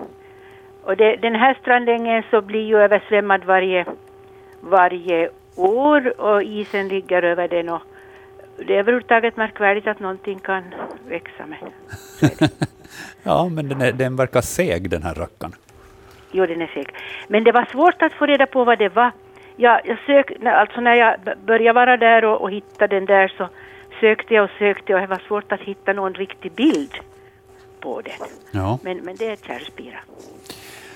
Mycket bra, men nu får vår bildblogg i fortsättningen fungera som en referens ifall man blir osäker på ifall det är kärrspira. Ja, för nu, nu har vi det bra bekräftat. Ja, vi fick Det också en bekräftelse på det där av Mikael från Åbo som skickade e-post om saken. Ja, ja, men nu har vi det riktigt från många olika håll i landet dessutom. Flertalet experter som har hört av sig. Så då, då slår vi fast att det, det är ett kärrspira till 100 procent och så skriver vi in det i bildbloggen. Ja. Tack, tack. Då ber jag att få tacka för det. trevligt- Program. Tack. Tack ska du ha. Ha en skön kväll. Ja, jag ska sudda ordet kanske och spara en version. Så. Man kan alltid gå in på bildbloggen på svenska.yle. Äh, ja, på bildbloggen för att kolla vad, vad, det har, vad det vi har diskuterat tidigare idag. Och jag försöker skriva in vad vi har, vi har sagt om de här sakerna, så kan man kolla om man missar någonting. Vi får skicka ett stort tack där till, till Britta och övriga som har hört av sig om att det var kärrspira. Vi har ett till samtal som väntar. Naturväktarna, god afton. Ja, god afton, god afton. Vem är det som ringer? Det är Inge från Hortkärr. Hej Inger. Ja, jag har ett problem här med ett stabo. Är det så att matar både mamman och pappan eller är det bara ena som matar? Nu ska de båda mata. Jaha. Och jag och de, de kläckte i holken. Jag såg den där stallarna for där och, Ja. och matade och ungarna skrek och, och det var kanske ja, ett par dagar då som det, jag vet inte, det var min son som, var, som bor närmare så han har liksom tittat mera på dem. Han sa Men att igår kanske han inte var och tittade på hörde någonting, men i förrgår hade han hört ljud ännu då hörde de mata. Men i morse då han gick ut så sa han att det var inga något ljud, bara flugor som flög kring holken. Och så sa jag, hade det nog några döda ungar? Då sa jag. Så tog han ner den där holken och han gick upp och tittade och lockade och tittade så var det väl fyra, fem döda ungar i, holken. Jo, Och inga någon skarar inte still. Det Vad har kan det någon, bero på? hänt någon olycka med ena föräldern till exempel. Ja men, men båda två då skulle det ha hänt något. Nå, det, det är sant, men ibland så går det så att, att det en förälder inte klarar av att, att, Att mata sen då. ja, att det räcker inte, räcker inte till den där arbetsinsatsen. Mhm. Nej, det var, började nog fundera att det var något, något tokigt med det nog. Men att, jag tänkte först bara om, om de ena föräldern matar, men om de båda matar allmänhet och det kan gå så där för det- att de inga hin- Nu, hinner med alla för, de flesta hålbyggande arter så räcker det nog med en förälder. Att om förhållandena är bra så klarar det Jo, sig. mm. Nu har det ju Jo. de senaste dagarna varit ganska bra förhållanden så det, det har kanske hänt någonting, Ja, något två, kan- två olika olyckor. Det är Ja, helt man möjligt. vet inte. Jag vet några små fåglar här från när flugstappar var det någon annan håll så här, men de far hela tiden nästan tycker jag och förstår inte hur de hinner få tag i ett bete för att och mata på nytt Ja. så de är riktigt flitiga. Och, det Jo, stararna ja. har, de har längre, längre resa att hämta. De hämtar Ja, maten från ja. längre avstånd. Ja. ja, och det beror på vad, vad de hämtar för sort också. Jo, det är väl så. Ja. Mm. Okej, okay, men det var det jag ville ha reda på. Det var inget något annat. Mm. Mycket bra, men då får vi tacka för samtalet. Ha en riktigt skön kväll. Ja, tack själv bara. Jo, tack. Bra. Hej, hej. Tack, hej. Hur är det ifall, ifall det, låt oss säga i ett sånt här fall, så är det den ena föräldern då som på något vis förolyckas och, och den andra föräldern då konstaterar att det här klarar inte jag av och fågelungarna dör. Vad händer då? Kommer den att städa ur holken eller boet och sedan försöka på nytt och försöka hitta en ny partner, eller, eller lämnar det bara vind för våg helt enkelt? Att den, lämnar det bara. mm. För starens del och inte, inte, inte några andra arter heller som städar ut liksom. Efter, städar efter sig inte. Nej, det, det är någon annan som sköter Ja, det sen. Det är så någon annan, ja. Ja, och flugorna har ju satt igång med Ja. storstädningen redan när de har lagt, lagt det här ägg i, i, i, de- på de här starungarna så blir de uppätna av fluglarver ifall det fick fortsätta som sådant. Ja. Eh, ja, att, att eh, vuxna fåglar, småfåglar överger sina, sina bon, eh, både ägg och ungar, så är mer vanligt än man skulle tro. Och det är mycket bättre att de klarar sig än att de försöker satsa på ungar som de kanske inte får på vingarna i alla fall. Mm. Så det här med övergivna äggkullar och ungkullar så, så förekommer nog varje Ja. år. Och alla de som putsar holkar på hösten och vintern så upplever något liknande fenomen. De hittar okläckta ägg i holkarna och de kan hitta döda föräldrar i holkarna och de kan hitta allt möjligt. Ja. Ja. Sant. No, men okej, då, då hade vi svar där åt, åt uh, Inge. Um, ska vi titta vidare i bildbloggen? Vi har, vi har ett par, ja, vi har en bild här som, som är knepig. Åtminstone så upplevde vi det tidigare när vi bläddrade igenom frågorna här. Ehm, det är Bosse i Nagu som har skickat in den här. Han skriver Hej, jag hittade detta ut från ett före detta gråspettbo. Det ser ut som en murkla, men är hårt och torkat, cirka fem meter upp efter stammen. Så skriver Bosse i Nagu. Och eh, så har vi en eh, tall och eh, så är det någonting som ser ut som en, en någon form av svampväxt. Eh, väldigt skrovlig, brunt i färgen i olika nyanser. Eh, någon form av svamp möjligtvis, men eh, mer än så tänker inte jag säga om det här, utan lämnar över det åt Hans och Jörgen. Vad skulle ni säga? Vad rör det sig om? Mm, ja, jag kommer inte... Jag har någonstans sett en bild på det här och läst om det, men jag kommer inte ihåg. En svampväxt är det ju, som, som växer ut från, från det här bohålet. Jag förstod inte ens först att det växer ut ur ett hål. Den sitter fast på stammen, men att nu först när jag hörde Jocke läsa frågan och lyssna ordentligt så, så är det väl ett hål där under, men det ser man inte egentligen. Nej, det är helt igenproppat det här hålet. Ja. Har du Jörgen? Jag har aldrig sett sånt. Nej, nej. Ingenting som du har sett ens Nej. början på Nej, i inte. något före detta gråspettbo? eller Eller annat hål. Annat hackspettbo. Ja. Ja. Eh, Jag tror vi får vänta till, till nästa vecka då Ja. Anders är med Ja, och se vad han kan komma på. Jag Ett tänker- in, intressant fenomen, Ja. verkligen. Ja, för att den, den ser ju ut, hur ska man kunna beskriva den? Lite som, om det skulle vara en björk och den skulle vara lite mörkare, skulle man kunna säga en sprängticka. Ja, mm, påminner om sprängticka. Ja. Men nu är det inte en björk. Nej. Så, den är, den är kanske lite om man betraktar den här tallstammen så den är på något sätt kodig och kanske lite, ja. inte riktigt fräschaste laget. Ja, den här är inte så hemskt slät mot ytan. Den vara liksom lite sån här lavaktig yta. Men, men den kan ju variera på många svampar och, och tickor och vad det nu finns. Hur den här ytan ser ut. Mm. Och sen är det en helt sån här rund boll i var- varje fall från den här vinkeln som är rakt nerifrån. Så det blir spännande att höra, höra vad det här kan tänkas vara. Men det får vi vänta med. ja, vi får säga att den här bilden är den här veckans stafettpinne som vi tar Ja. med oss till nästa vecka. Mm. Mm. Boll, bollar över den till Anders och så får vi se vad han kommer fram till att det eventuellt skulle kunna röra sig om. Ja, ehm, vi har en till bild i bildbloggen, den kan vi ta Annika.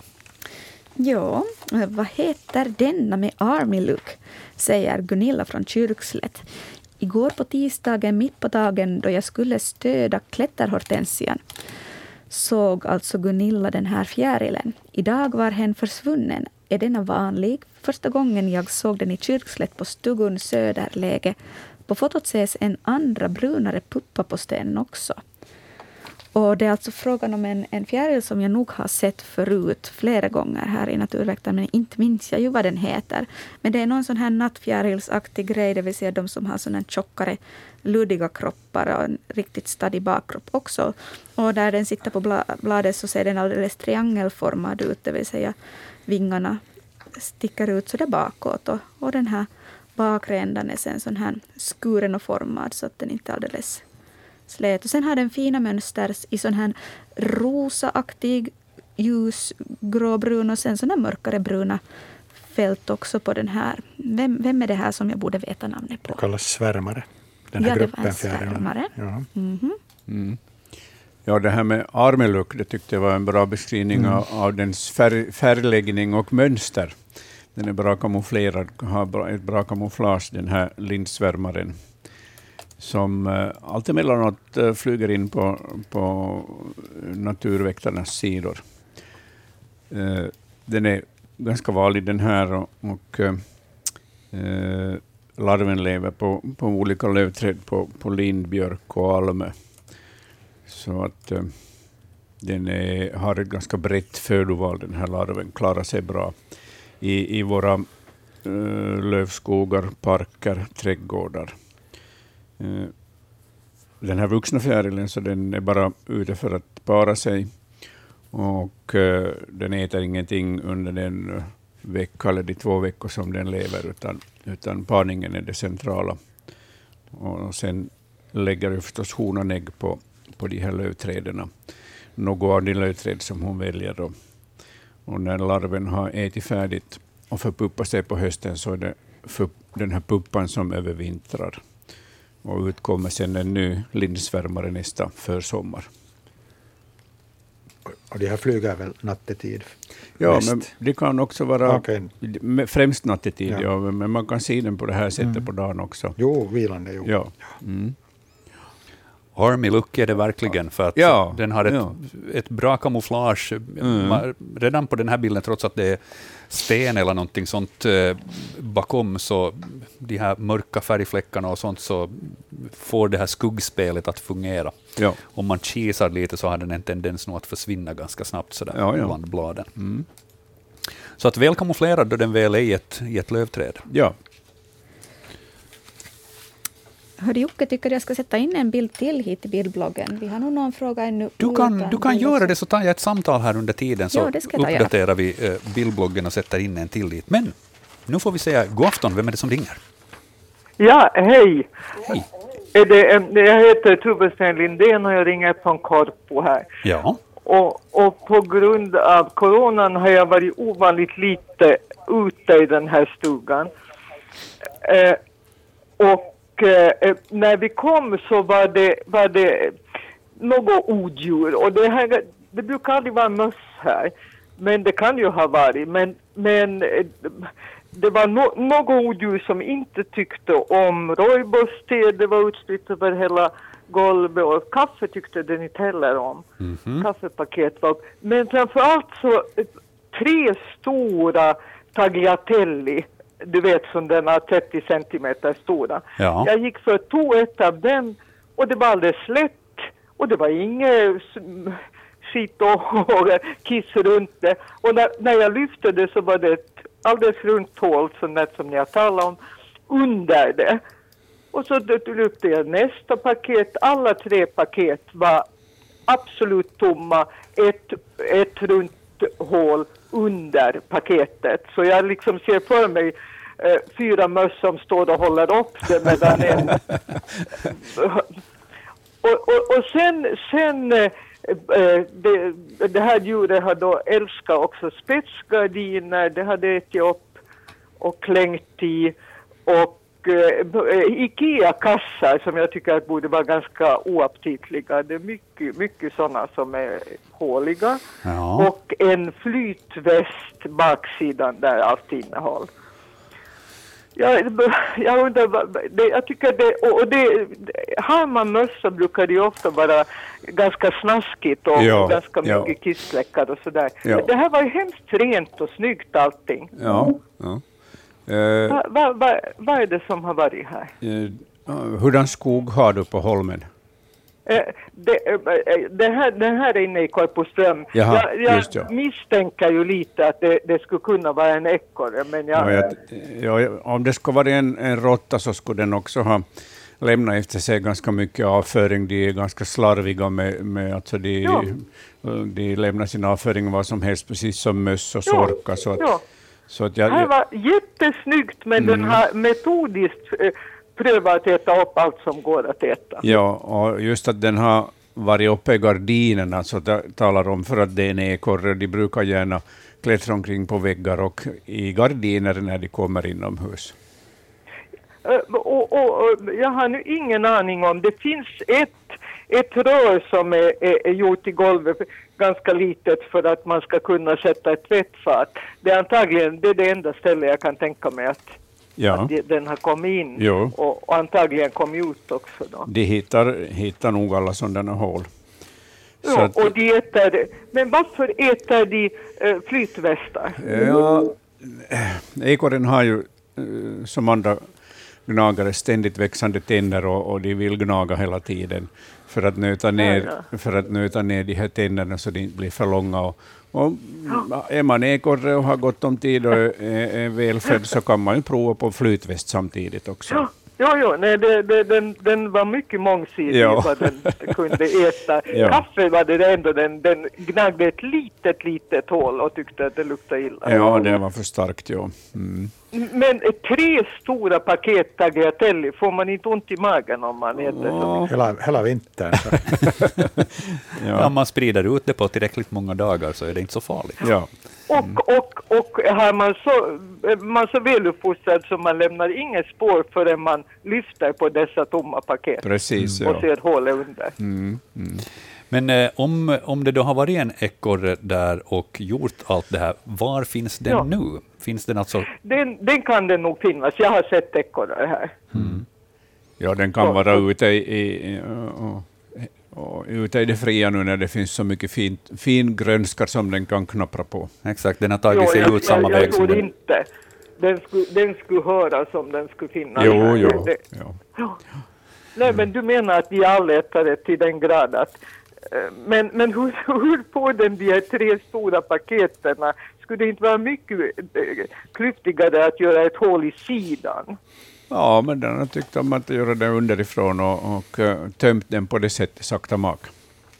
Ja, ja. Mm. ja, ja. Ja. Intressant, men- hör du. Så Ja, vi... det, det, det, man kunde tänka sig, jag trodde att det kunde vara någon sån här vessla eller illa. för Nej, då skulle det jag också nog finna, det skulle finnas avföring inomhus i så fall. Så. Ja, Så- ja. Eh, va- Hur ser ekorrens avföring ut? Mm. Nej, Ta, talar vi om, om små pärlor eller talar vi om, om eh, längre korvar? Eller, eller Nej, inga korvar. Utan de, de var nog lite, lite större än vanliga musskittar, men, men samma form tycker jag. Ja. Ta och kolla lite ifall vi hittar ett enkelt svar på den. Ehm, det bläddras i litteraturen här. Ja. Mm. Och Ylle tyckte den också om. Den, en upphängd IKEA-påse så hade den ätit upp eh, sådär vantar och socker och annat gott. Ja. Ehm, är det så att... Ja, ekorrens är, är, är kort och, och nästan klotformad. Halv centimeter Aha. i diameter. Ja. Och lite, jag hade en lite, lite spetsigare en ända. Mm. Lite spetsiga i änden, det stämmer. Lite, men men lite, det lite alltså bara lite spetsigare. Det, man ser den Ja. på den här avtecknade bilden jag har framför mig så ser man på en del av de här ser man en lite, liten spets i ena änden. Så att man kan blanda den med, med, med stora musskittar. Nej, de är rundare. De är rundare. Ja. Det måste jag ta och titta då ordentligt. För jag, det, det, det kan, möss kan väl inte gnaga underifrån tre stora paket? Ja, Kan de? ja. ja, det kan det. Skogsmus särskilt. Ja, det, Ja. det Men ska, en, ska en skogsmus ge sig på, på flytvästar och gardiner? Uh, flytväst nog, men jag har inte uh, varit med om att de skulle klättra i gardiner. Inte. Gan- ganska vacker spetsgardin som den har tagit Alma. Ja. Ja, Jag kan Ja, se framför ja. mig att det är en ekorre som gör det. Ja, Ja. Jag, jag, jag tror att ekorrarna är mer väluppfostrade och lämnar lite snyggare än de där andra. ja. ja alltså, möss och sorkar brukar ju smutsa ner något otroligt när de... Ja, ja det Nej. är det, det jag känner. Ja. Ja. Då är det Och vi förmodligen hoppas ekorre. på en snäll ekorre som Ja. hålls ute. Ja, vi får göra det. Du får, du får se ifall det är någon som springer omkring med, med flytvästrester eller någonting sånt där. Ja, jag får se det. Hörru, då får jag önska dig en trevlig kväll och eh, tack för samtalet. Ja, tack detsamma. Tack, hej. Tack, hej. Ja, knepiga de där ekorrarna, tydligen. Mm. Nu har du uppdaterat bildbloggen, Annika. Vad är det för en bild som vi har fått dit? Ja, vi har eh, Bengt som undrar vad heter denna blomma som växer i Pargas? Och där har vi bild på någonting konstigt och blekt.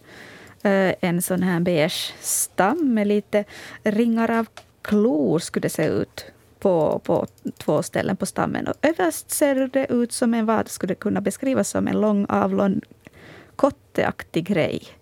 Och, och så långt kommer jag att det här är nog en fräken. De brukar ju vara sådana som har sådana gröna fjun eller, eller um, tunna bladaktiga grejer som sticker ut, men det här saknar helt och hållet den. Så det är bara en ensam beige stam bland gräset som sticker ut. här. Jörgen eh, och Hans hittat bilden. Den finns också på ett papper som ni har på. No, jag hittade, jag hittade den, tack. Mm. Och den växer i Pargas, Mm. vet vi. Jag hade en gissning faktiskt och jag slog upp den här för att kolla, hitta en, en artikel på svenska.yle.fi där den kallas, det skulle kunna vara något som kallas revarumpa eller kokogran. Är jag på rätt spår? Låter bekant. På högsvenska så är det väl åkerfräken. Ja, ja en alkafräken skulle, skulle det alltså handla om, om, om jag skulle få, få leka expert.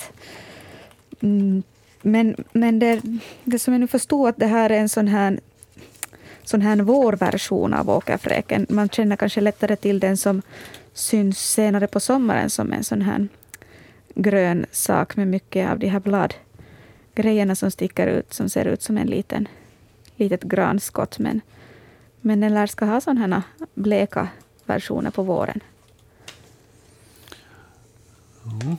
Åkerfräken. Jag måste säga att de, de övriga namnen hade inte jag hört talas om tidigare.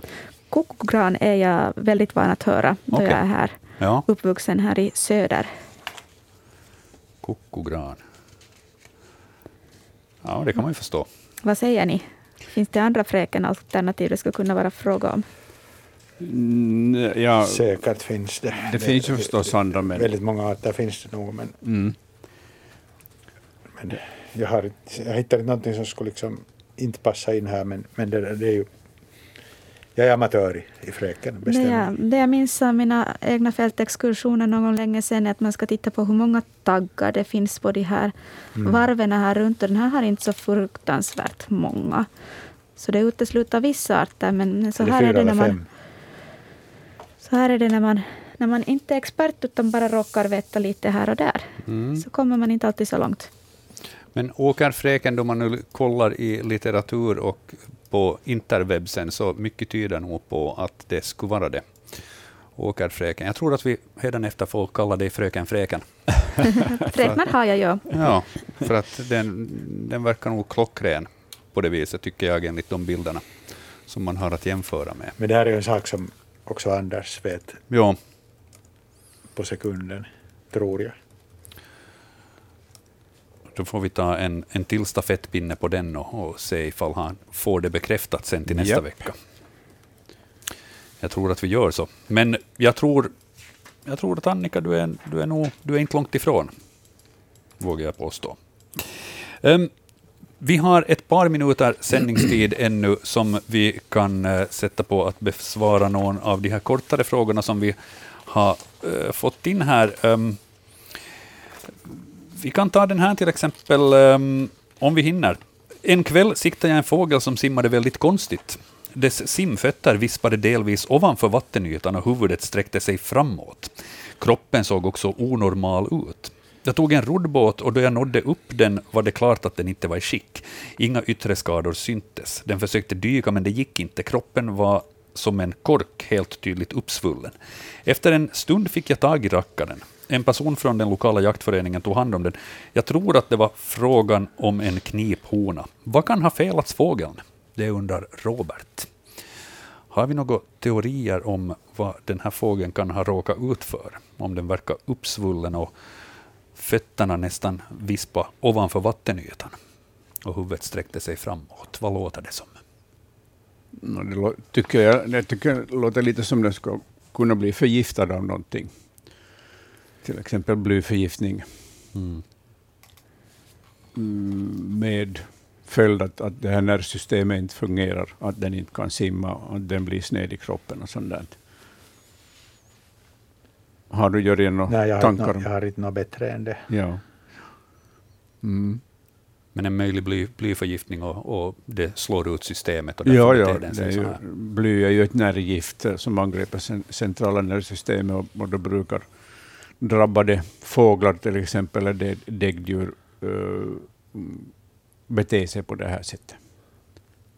Det var nog bara ett sånt snabbt svar som kom Ja. i skallen. Och, det finns ju förstås, de kan ju ha olika sorters infektioner också, de här, de här sjöfåglarna. Men, men blyförgiftning genom att den har ätit blyhagel från sjöbottnen låter som en, en, en trolig förklaring. Eh, tyvärr kunde vi inte sluta på en high note, som vi brukar säga, utan istället så blev det tal om eh, förgiftade fåglar, men så här är det ibland. Eh, fler frågor och fler svar om djur och natur, det blir det igen om en vecka, för Naturväktarna är slut för den här gången. Stort tack till Hans Hestbacka och Jörgen Palmgren för er expertis och Annika Ljungberg och Risto Salonpää för er hjälp med att få den här sändningen gjord. Och stort tack till alla som har skickat in frågor, det är ni som gör den här sändningen. Kontakta oss gärna inför nästa veckas program på e-posten natursnabelayle.fi. Skicka in era frågor, gärna med bild naturligtvis, så underlättar det. Så ska vi se vad Hans och Anders har för svar att ge åt er nästa vecka.